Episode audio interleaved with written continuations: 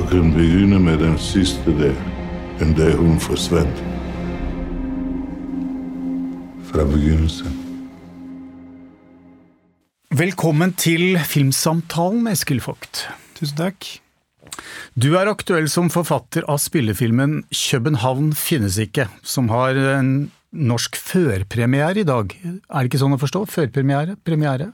Jo, det er en slags sånn eh, eventpremiere, jeg vet ikke hva de kaller det. De prøver å finne Ja. på sånne ting, så folk eh, legger merke til at det kommer en film. Ja, ikke sant? Man kan i hvert fall se den eh, i kveld på Vega kino. Eh, og det er ikke du som har regien, eh, det er danske Martin Skåbjerg. Men vi kan likevel gjenkjenne noen trekk fra dine egne filmer, synes jeg. Altså, I filmen møter vi to, la oss kalle de eksistensielle outsidere, som har en, et gåtefullt indre liv, og som isolerer seg fra verden. Um, hovedrollen, Sander, viser seg å være en upålitelig forteller, eh, når han forsøker å gjøre rede for hva som skjedde med kjæresten da hun forsvant, tilsynelatende sporløst. Vi kan ikke stole på ham, og det er heller ikke så mange andre i den filmen som vi kan støtte oss på, og det skaper en helt spesiell spenning, som jeg skal ikke røpe for mye fra her nå, men filmen er basert på en roman av Terje Holte Larsen. Og han er jo kjent som en eh, såkalt kresen stilist, og, og det er for så vidt noe man også kan si om deg, Eskil. Eh, hva var det ved denne romanen som gjorde at du så den for deg som film, eller, eller hvordan på en måte kom alt dette i gang? Det er jo en ganske lang historie. Jeg kan ta en litt, litt sånn halvlang versjon. Siden vi er podkast, så har vi kanskje tid til Ja, noen ja. ting. Og det er eh, Dette var jo egentlig en film jeg tenkte å lage som min regidebut.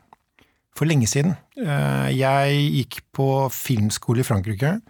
Leste denne romanen av Terje Holte Larsen, og så var det noe med den jeg ikke kunne få ut av hodet mitt. Eh, Det, dette paret i denne filmen og i boken, da, som velger bort alt. De går litt inn i den der kjærlighetsboblen som man kan kjenne igjen fra å bli forelsket, men så har de begge noen mangler i seg selv som gjør at de passer så fint sammen, og de får lyst til å bare ikke ha noe med omverdenen å gjøre, bare lukke seg inne i en slags isolasjonsboble. Da. Eh, og jeg husker å gå rundt i, i gatene i Paris som en uh, ung mann og se opp på en sånn fasade, og så er det noe lys på, så tenker jeg ja, kanskje der inne er det noen som lever litt annerledes, eller som sier nei til det livet vi alle lever. Og jeg synes det var så besnærende, fascinerende tanke. Så jeg begynte å utvikle dette som et manus til å regissere selv.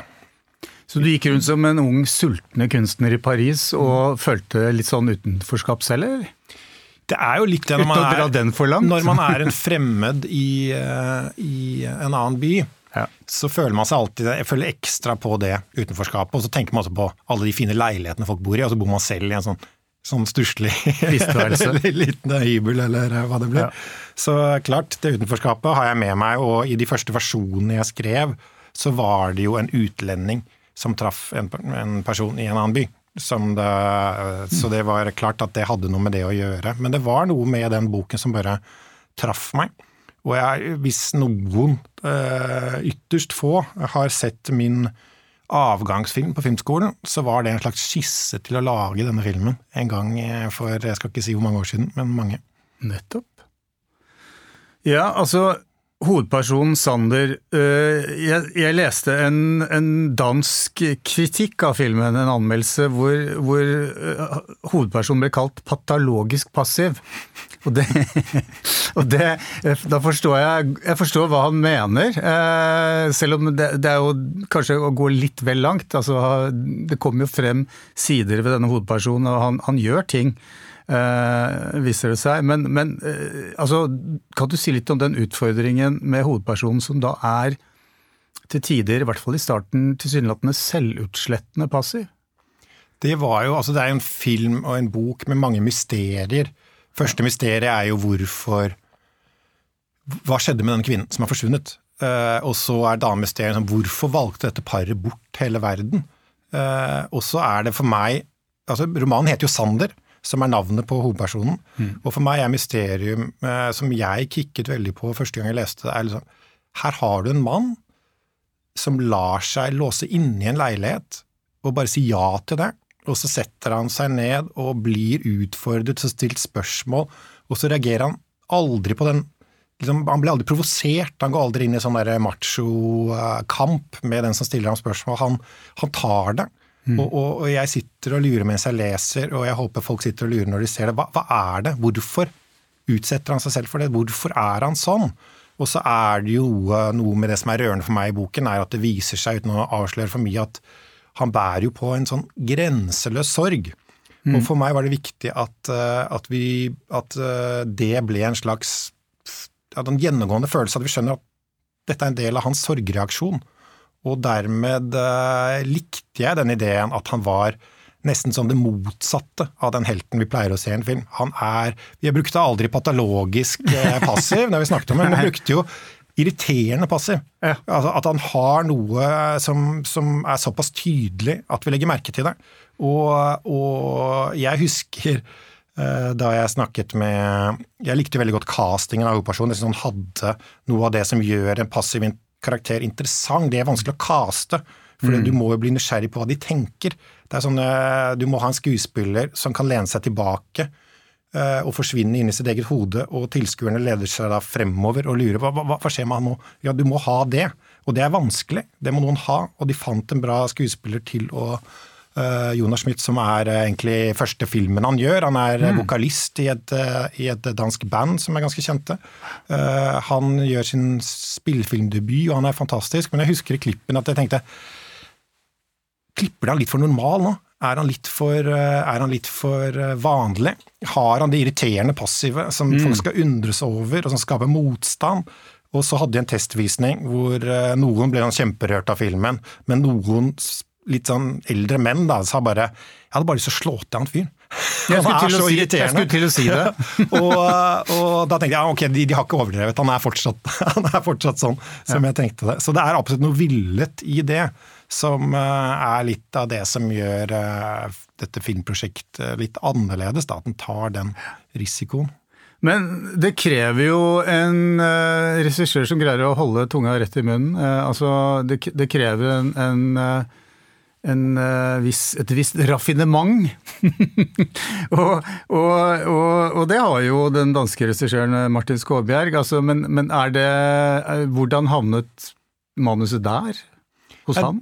Det som skjedde, var jo at jeg skrev på et manus i mange år, hadde det som min person og ville lage det. Kom ut fra filmskolen, skrev det ferdig, prøvde å få laget det, Søkte penger, fikk aldri penger, og så og så til slutt så hadde jeg faktisk lest en annen bok av Terje Alter Larsen som het Forestillingen, som hadde en blind hovedperson.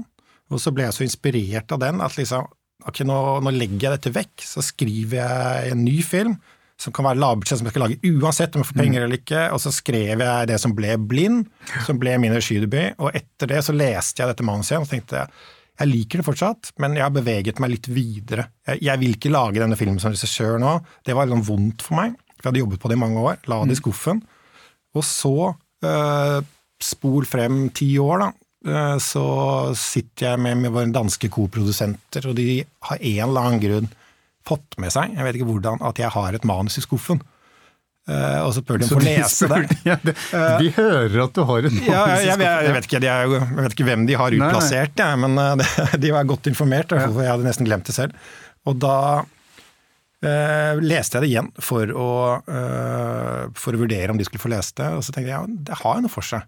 Kanskje de skal få lest det. Og, og, det gjorde de, og var veldig entusiastiske. Og de hadde jobbet med Martin Skovbjerg på en, uh, hans første film, mm.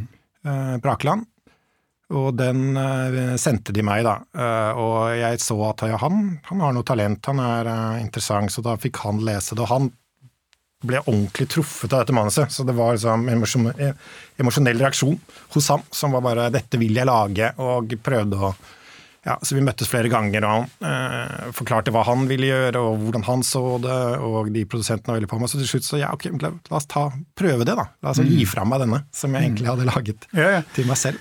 Jeg hadde egentlig tenkt å spørre deg om du tilnærmer deg det å skrive et manus annerledes når du ikke ikke har tiltenkt å ha regien selv, men her var det jo egentlig planen at du skulle ha regi. Eh, men, men eh, når du da tok det opp igjen, gjorde du store endringer? Eh, da, altså, da jeg tok det opp igjen, så skulle jeg egentlig i gang med De uskyldige. Så da var det sånn at jeg sa jeg kan egentlig ikke endre noe på dette her, for jeg har ikke tid. Eh, og det var også sånn det gikk. Vi gikk jeg hadde et møte med Danske Filminstituttet der, hvor jeg spiller med konsulenten, og han liksom begynte å snakke litt om manus, og sa nei, men dette manuset har jeg jobbet med mange år, kan, dette tror jeg det sitter nok kommer til å endre seg litt når man begynner å jobbe på det, men jeg kommer ikke til å gjøre noe med det. Og det, det, det har spillekonsulenter hører aldri det. Det er fordi jeg visste at jeg, jeg har ikke tid til å gjøre noe med det. Eh, så ble det jo selvfølgelig når vi fikk penger. Og jeg, da var jeg allerede liksom kommet, for det tok litt tid, så jeg allerede kommet på andre siden av de uskyldige litt. Da kunne jeg jo begynne å jobbe litt med regissøren og komme med noen nye tanker. Og det som var litt fascinerende, var at det var gammelt manus, men det føltes nesten mer moderne da vi begynte å jobbe på det. Fordi det handlet om dette med å liksom si nei til resten av verden, mm. og bare lukke seg inne. Og uh, mens jeg hadde lagt det vekk, så hadde sosiale medier bare vokst og vokst og vokst. og vokst, Så det var liksom en mye mer radikal ting å liksom lukke alt ute, mm. Uh, føltes det som. Det å liksom kaste, kaste, mobilen sin, legge bort mobilen sin, føltes som om folk gisper ikke sant, når de ser det nå, for det er så stor del av hvem vi er. Det, så, så, det hadde kommet uh, til da, uten at jeg hadde skrevet noe om på det. Og så husker jeg at vi hadde liksom det, det, møtet hvor vi fikk penger. Da. Da, da var jeg i Trollhettan på Zoom. Vi holdt på å grade De uskyldige. Og mm. da sa spillekonsulenten at liksom Ja, nå er det jo korona. Uh, og nå er korona egentlig på en måte skrevet om. For nå, nå skjønner jeg den isolasjonen bedre. Nå har jeg kjent det på kroppen. Nå leser jeg manuset og det er som om det har blitt skrevet om, selv om det ikke har blitt det. Mm. Så det var en del av det som bare hadde skjedd. Da. Men det er klart, jeg satt jo med regissøren og gjorde øh, en del ting i samarbeid med ham. Så den, den, ble forandret, men ikke så mye som jeg pleier å skrive om på ting. Ja. Du har åpenbart en uh, stor respekt for Terje Holte Larsens uh, som, som, forfatter, men når man da adapterer Altså, hvor stor respekt viser man da? Altså, Hvor tro er man mot det litterære opphavet? Altså, fordi man sitter og dikter selv og, og prøver å finne visuelle innganger og, og kanskje andre type eh, tematiske rom eh, som, som, det litterære opphavet toucher innom, men ikke går videre på, osv.?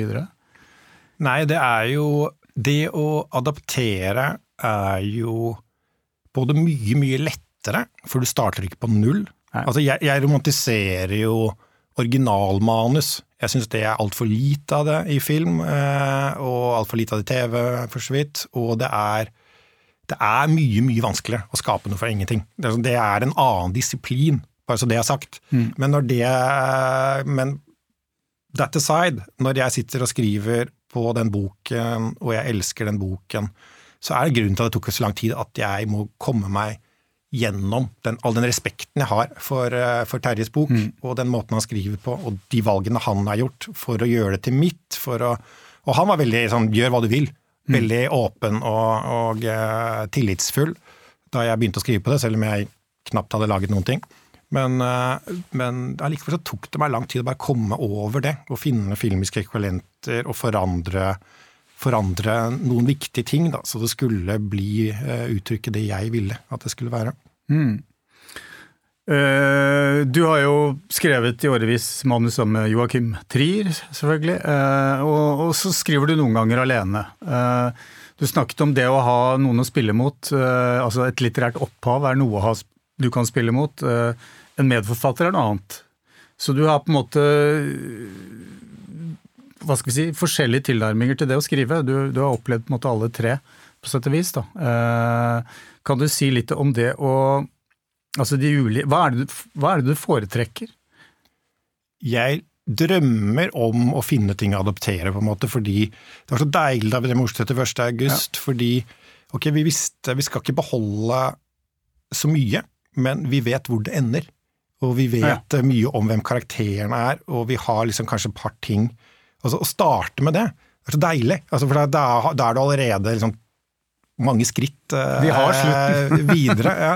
Men, eh, men, jeg foretrekker det å finne opp en originalidé. Jeg syns det er det beste. Mm. Og, og, når det gjelder å jobbe med medforfatter og jobbe alene, så liker jeg den vekslingen. Mm. Det er veldig ensomt å sitte og skrive alene, eh, men det er også veldig effektivt.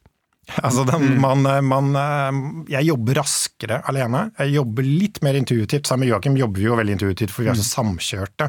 Men vi er også veldig Vi er begge analytisk anlagt, så vi kan liksom stoppe opp i sånne ting. Og vi, kan, vi er gode venner, så digresjonene er jo eh, enorme. Ofte blir jo de på et underlig vis med i filmen likevel, men, eh, men Ja, ja. det tar tid. Det er tidkrevende på en annen måte. Det er mer intensivt å skrive alene når jeg har funnet veien, da, retningen. Men det som er trist med å skrive alene, er jo å møte opp på kontoret eh, når du ikke har en sånn klar idé om hva du skal gjøre, og så liksom bare ok, og så ender man opp med å, å, å surfe på nett og ha skamfølelse, mens med Joakim så har jeg fått sittet og snakket med med min beste venn om film og liv og ja, alt, så det er jo, det er jo Ja, ja. mer givende i seg selv. Eh, Jeg har fått høre at eh, du og Joakim, når dere jobber, så begynner, så, så, så begynner dere gjerne med scener, eller at dere har utgangspunkt i scener. Eh, Dere sitter ikke med karakterer og, og, og tenker at karakteren skal oppleve det, og så er det noen plot points der. Og, altså det virker mye mer orientert mot hva skal vi si, scenene og det visuelle også. Eh, er det også sånn når du skriver alene? Det er, jo, det, er ikke, det er jo ganske riktig det du sier i forhold til hvordan vi jobber. Det er jo det som egentlig er sant, at vi jobber litt fra alle, alle retninger. Så vi Ja. har en idé om en slags karakter, kan vi ha. Vi kan ha en formidé om hvordan man bruker voiceover, vi kan ha et bilde som er interessant, og så bare samler vi opp disse tingene helt til de begynner å klase seg litt. Og så begynner ah, denne retningen med den karakteren, og de, der kan vi få inn de tingene, og så begynner det å vokse. Og det vi gjør motsatt fra de fleste profesjonelle manusforfattere, er at vi har jobbet med en film ganske lenge før vi tenker men, ok, men hva er dette plottet, da? Men da, da har vi kanskje noen biter av plott vi liker. Skal ikke si at vi aldri har noe. Har sånn der, det er interessant om de treffes sånn, og så etterpå har han gjort det. Det, klart det er med, men vi tenker ikke den derre de der, strukturen før veldig, veldig, veldig sent. Eh, som gjør det ekstra tidkrevende, og gjør at noen syns sikkert filmen vår er litt rotete. Men eh, det er sånn, eh, sånn vi jobber, da. Men dere, Eh, men dere, har jo, dere har jo ganske spektakulære scener som står seg ut, virkelig. Eh, og, men de kan jo komme til både før og etter, sikkert. Eh, Det jeg liker å tenke, er jo altså misbrukt sånn ting man sier i filmbransjen, er jo 'kill your darlings', fordi det høres litt tøft ut, og du- ender jo ofte opp med å gjøre det noen ganger. Ja. Men jeg tenker at det er jo siste utvei, det er det som er hele eh, kunsten, er jo å få så mange darlings inn som mulig. Altså alle de fantastiske scenene du har lyst til å filme, det er de du skal ha inn. Og så skal du altså få av de scenene som er der for at de skal få mening og betydning, men som ikke er de du gleder deg til å filme. De skal, de skal ikke være så mange av dem. Det skal være darlings hele veien, helst. Ja, ja? Det er det som er gøy med film, er å få dem. Så det er klart, jo mer vi har sånne energipunkter av scener som vi bare tenker åh, for en for en, så gøy å lage det og vise det til folk. Den må vi få til å fungere. Det, det er jo en kjempemotivasjon. Og så er det vel ikke nødvendigvis sånn at eh, man skal for enhver pris kunne gjenfortelle handlingen i en film veldig raskt. For den som, det kan jo være en fordel hvis man skal fortelle folk hva, hva en film handler om, men det er jo ikke alle filmer som lar seg gjenfortelle sånn uten videre raskt. Altså, hva, hva var det jeg egentlig jeg så? Jeg husker, ikke sant, Man husker jo og Sånn er det gjerne med, for min del i forhold til filmene du og, og Joakim har laget, f.eks. At jeg, jeg husker jo enkeltscener eh, mye, mye bedre enn hva skal jeg si, det er det som står i ettertid. Jeg, jeg syns det også er litt overdrevet uh, i opplevelsen av en film eller en TV-serie. Altså, hvis du spør nesten hvem som helst om deres favorittfilm eller serie, og så spør dem hva, hva likte du, så begynner de ikke å fortelle historien. Nei. De begynner å snakke om en karakter eller et øyeblikk eller en scene, og det er det som, det er, det som er gøy. Det er derfor vi er der. Så det er jo den eh, ideen om at, at plottet er alt, og alt som ikke er plottet skal bort. Det er ikke sant. Du skal få ting som er bra, og er det bra, så har det en plass, og da er det din jobb å passe på at det sitter fast da, på den strukturen, men ikke la strukturen bestemme. det, er, eh, det, det høres så voksent ut, sånn kill your darlings, og eh, hvis, det ikke, hvis det ikke driver plottet videre, så skal det bort. Altså, det høres ut som ja, ja, det høres ut som noe som læreren har sagt, men det er, eh, det er ikke det som skaper uh, glede, tror jeg, eller, uh, eller eh, det som skaper interessant filmkunst. Men når du da er manusforfatter for andres prosjekter, eller, eller altså der andre har regi, så blir det på en måte overlater du jo til regissøren å, å håndtere det du har skrevet, og, og gjøre det hen eh, finner for godt å gjøre med det. Uh, hvordan, hvordan opplever du det? Er du bedre rusta for det, siden du er regissør selv? Jeg har jo veldig stor respekt for hva skal man si, den pragmatiske rollen av å være regissør også. At liksom, et manus er jo, er jo noe, og ja. det blir jo aldri helt sånn. Altså Uansett hvor flinke folk er, uansett hvor bra uttenkt det manuset er, det er en prosess. Og det mm. skjønner jeg tror jeg er mye, mye, mye bedre enn eh, manusforfattere som aldri har stått på et sett, som aldri har vært til klipperom. For det er jo overraskende mange. Mm. Jeg tenker at det er en helt naturlig sted for en manusforfatter er klipperommet. Å komme innom jevnlig og, og, se versjoner og diskutere med klipperen og regissøren. Men det er mange som ikke er der. De er i gang med å skrive noe nytt, eller de blir ikke invitert. Ja. eller Jeg tenker at det er kjempeviktig, det, for det er, eh, film er en prosess. Og hvis man uh, jobber med det ideale i manuset, alt er laget der, så er jo bare resten bare sånn smertefullt og vondt. Det blir å falle ned en trapp, liksom, hele resten av prosessen. Interessant det du sier om klippere, fordi en annen referanse til fellesprosjektene som du og Joakim har hatt, er jo klipperen Olivier Bugge Coté, er det sånn man uttaler det? Sånn er det. Fransk etternavn. Han er fransk-dansk. Ikke sant. Som har, eh, som har, vært en nær samarbeidspartner for dere på, på mange av, av prosjektene. og han har da vært, er også til, på en måte en av klipperne på København finnes ikke. Hva, hva kan de da tilføre, kan de tilføre noe på et tidlig tidspunkt? Det er jeg litt nysgjerrig på, fordi eh, altså, man hører jo historier om klippere som er involvert tidlig. Det har ikke vært min erfaring. Nei. Jeg tror helt sikkert at det kan være nyttig.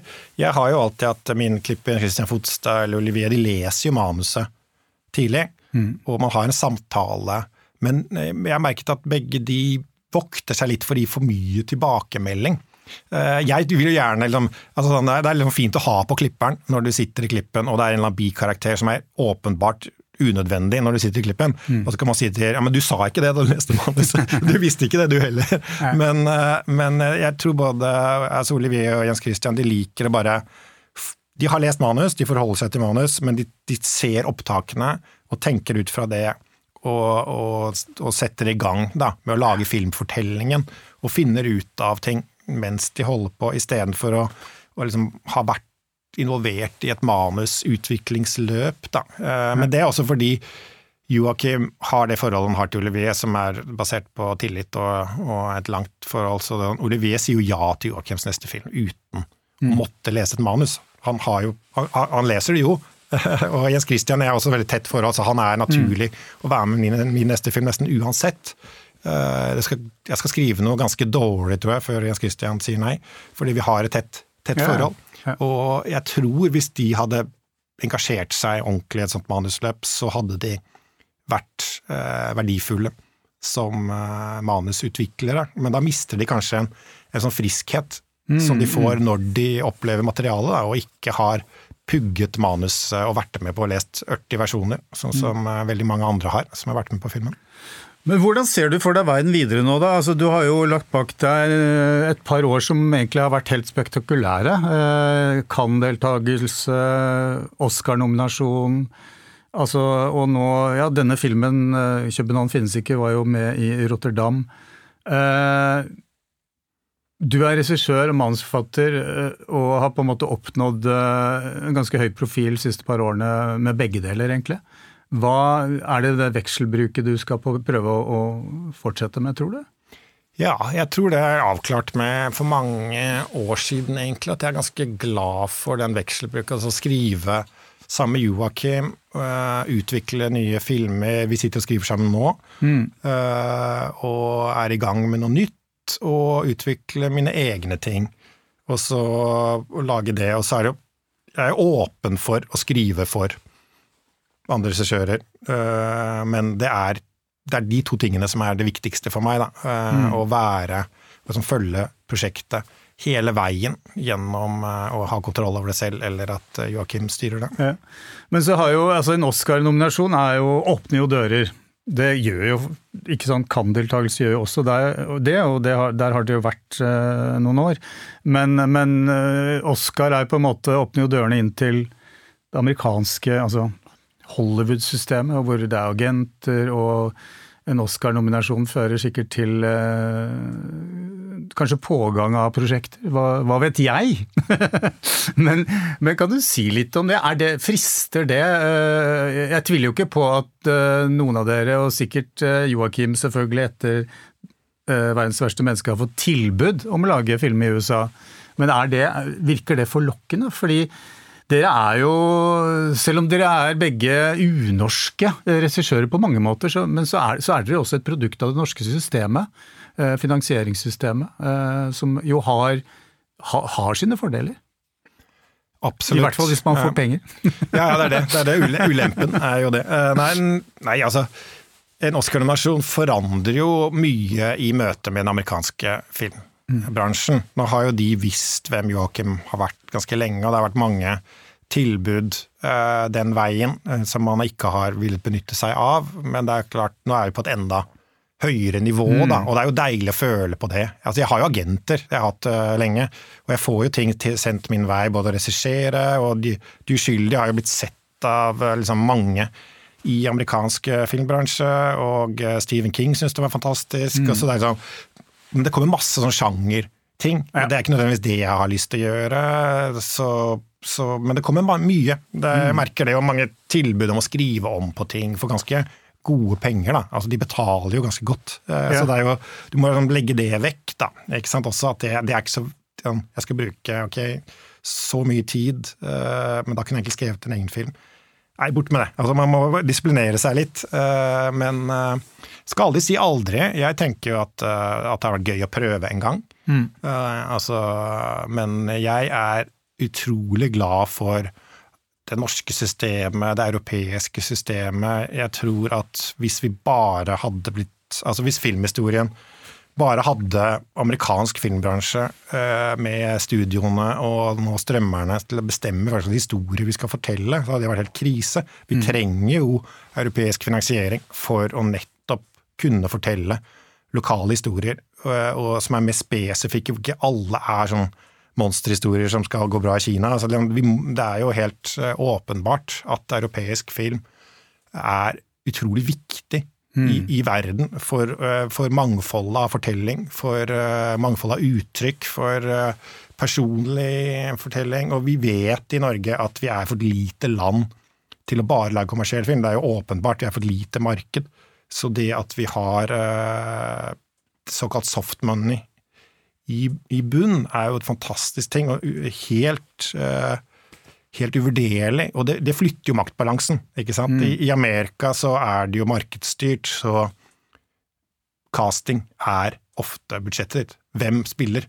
Mens vi kan lage film og bestemme akkurat hvem vi vil skal spille.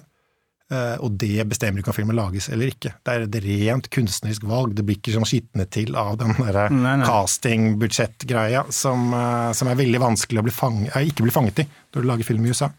Men det riktige prosjektet, det riktige øyeblikket, så hadde det vært gøy å, å prøve. Fordi det er jo en mengde dyktige mennesker som jobber i filmbransjen der borte.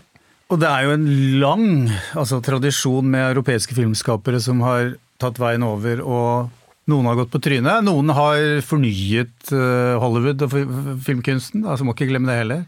Uh, mange norske filmskapere har vendt tilbake igjen etter å ha prøvd. Uh, så nei, det finnes jo ikke Det er mange oppkjørte stier man kan forsøke. men det er interessant det du sier om, om dette med casting, fordi De uskyldige var jo et utrolig eksperiment i så måte når det gjelder casting, og, og, og ville sikkert vært vanskelig i, eh, ja, i, et, i et, rent markedsbasert uh, filmmiljø uh, å, få til. Og, og, resultatet var jo altså Det var jo ganske oppsiktsvekkende, og, og det ble en kritikersuksess internasjonal, og en internasjonal festivalhit. Besøkstallene i Norge var kanskje ikke så dårlig med tanke på at det var en ganske kompromissløs arthouse-horror. Ja, det er mye vi kan kalle det, for så vidt, den sjangeren. Men, men litt skuffende må det vel ha vært, altså med tanke på at den fikk såpass strålende mottakelse av kritikere og, og festivalfolket. Ja, jeg er såpass ærlig at jeg kan si at jeg syns det var litt skuffende. Det var jo eh, Vi ventet jo med å slippe den pga. korona. Så vi ventet på at kino skulle åpne, og så allikevel så greide vi å komme akkurat med når det var sånn, sånn eh, hvor universitetene hadde åpnet igjen, og vi hadde liksom den fjerde oppblusset av, ja. av korona, så, og det var eh, sånn så liksom All den ventingen, og så er det likevel sånn vi, vi, vet liksom ikke helt. Det er det greia med film. Det er aldri en eksakt vitenskap, for du kan aldri slippe samme filmen i samme marked på to forskjellige tidspunkt og sammenligne. Du vet aldri hvordan det ville vært. Men ja. jeg er jo litt skuffet over at det ikke er flere som, som ser uh, at de så den. Samtidig så ser jeg jo hva filmer, altså besøk av en skikkelig god film fra utlandet i Norge, så ser jeg om de Oi, de når jeg bare dit. Så liksom, det er jo, det, hvor stort er det markedet, det vet jeg ikke. Det er vanskelig å si. Uh, men filmen har jo Det har jo ikke bare vært en festivalhit, den har gått på kino i hele verden. Så den har jo blitt sett av noen hundre tusen på kino. Og det er jo sånn Ofte så når man setter kino opp mot strømming, eh, eller TV, så, så, så, sier man liksom at den ble sett av så mange der, mens den filmen som er på strøm, ble sett av millioner. Men strømmen kommer jo etterpå. Ikke sant? Det er jo, det er jo tillegg. Er jo, vi har jo vært på kino, blitt synlig, fått anmeldelser over hele verden, blitt sett av noen hundre tusen på kino. Eh, og så i tillegg så kommer jo strømmingen og TV sånn etterpå. Så mm. det er jo klart at eh, vi Jeg føler at filmen er, den lever, den er der ute, den har blitt lagt merke til. Mange folk har sett den.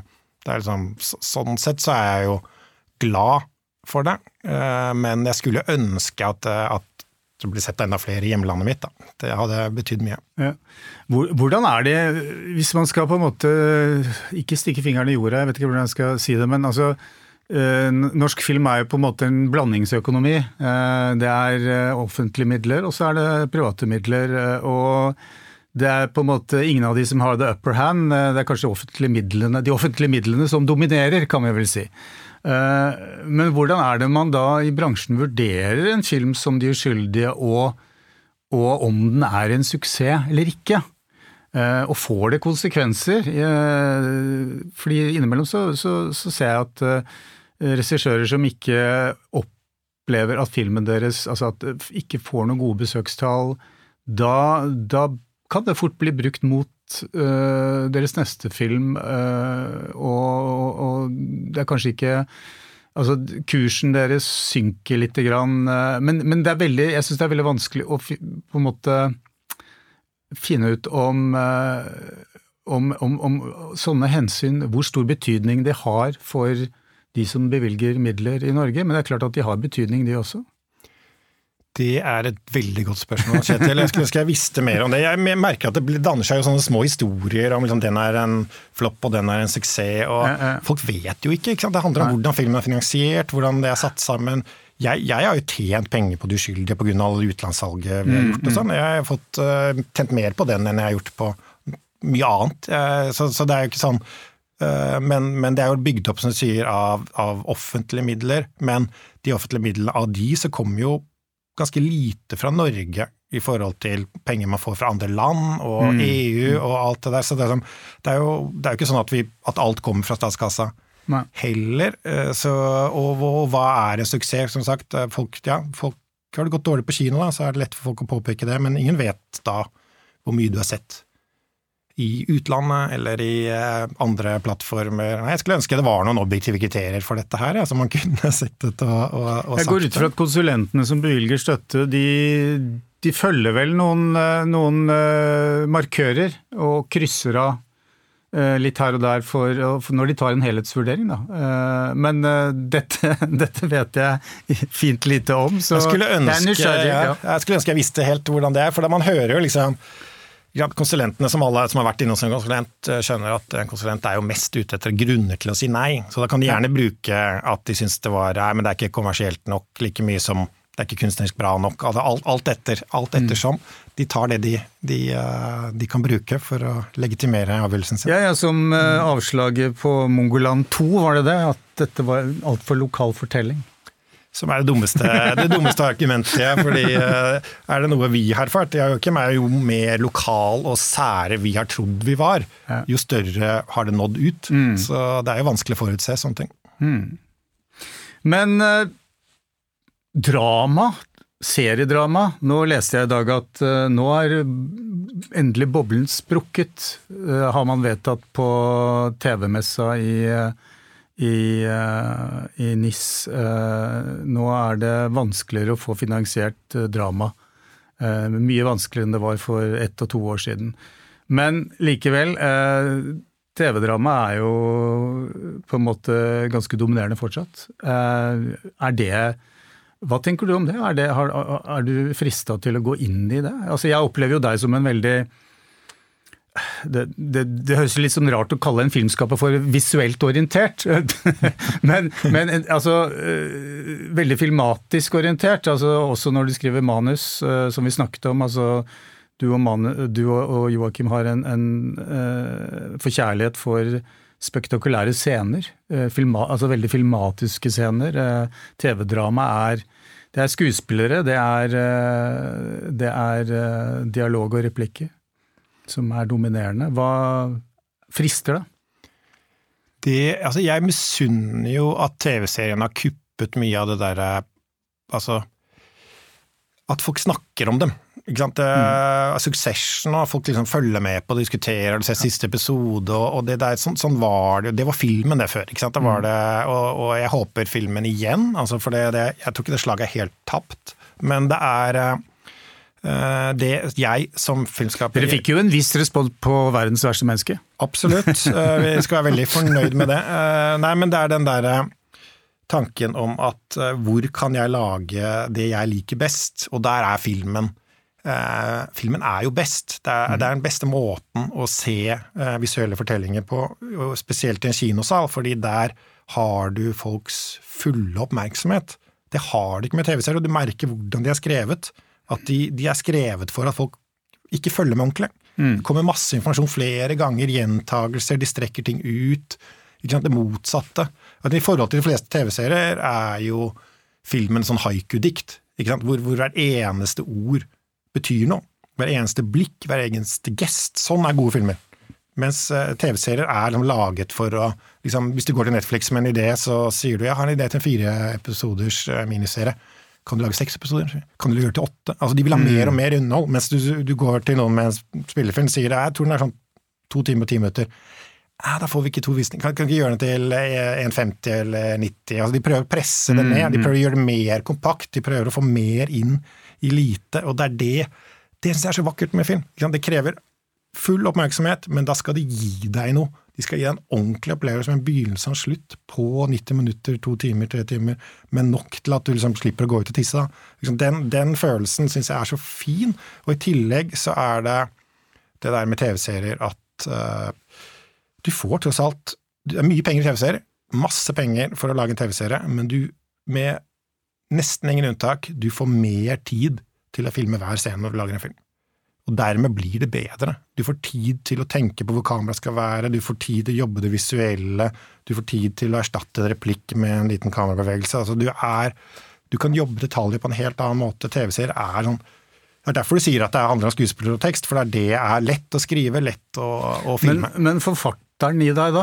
Altså forfatternes domene, TV-serieformatet, serieskaperrollen, ja, altså, jobbet lenge i bransjen, så er jo den ideen om at regissøren er eneste autør, det er jo åpenbart ikke riktig. Altså, mm. Det er jo mange som er med på å lage en film, mange som bidrar kunstnerisk, men regissøren som autør representerer en idé om at det er personlig, og det personlige uttrykkes også gjennom det visuelle. Den ideen om at det er en forfatter bak som bare bryr seg om ord, det tror jeg ikke noe på. Mm. Det er jo et visuelt medium, og hvis regissøren ikke skjønner manus, eller bare er en oppdragsgiver for en sånn allmektig serieskaper, så er det stor sjanse for at det blir ganske kjedelig å se på, tenker jeg, visuelt. Stemning, øh, følelse, øh, visuell nytelse.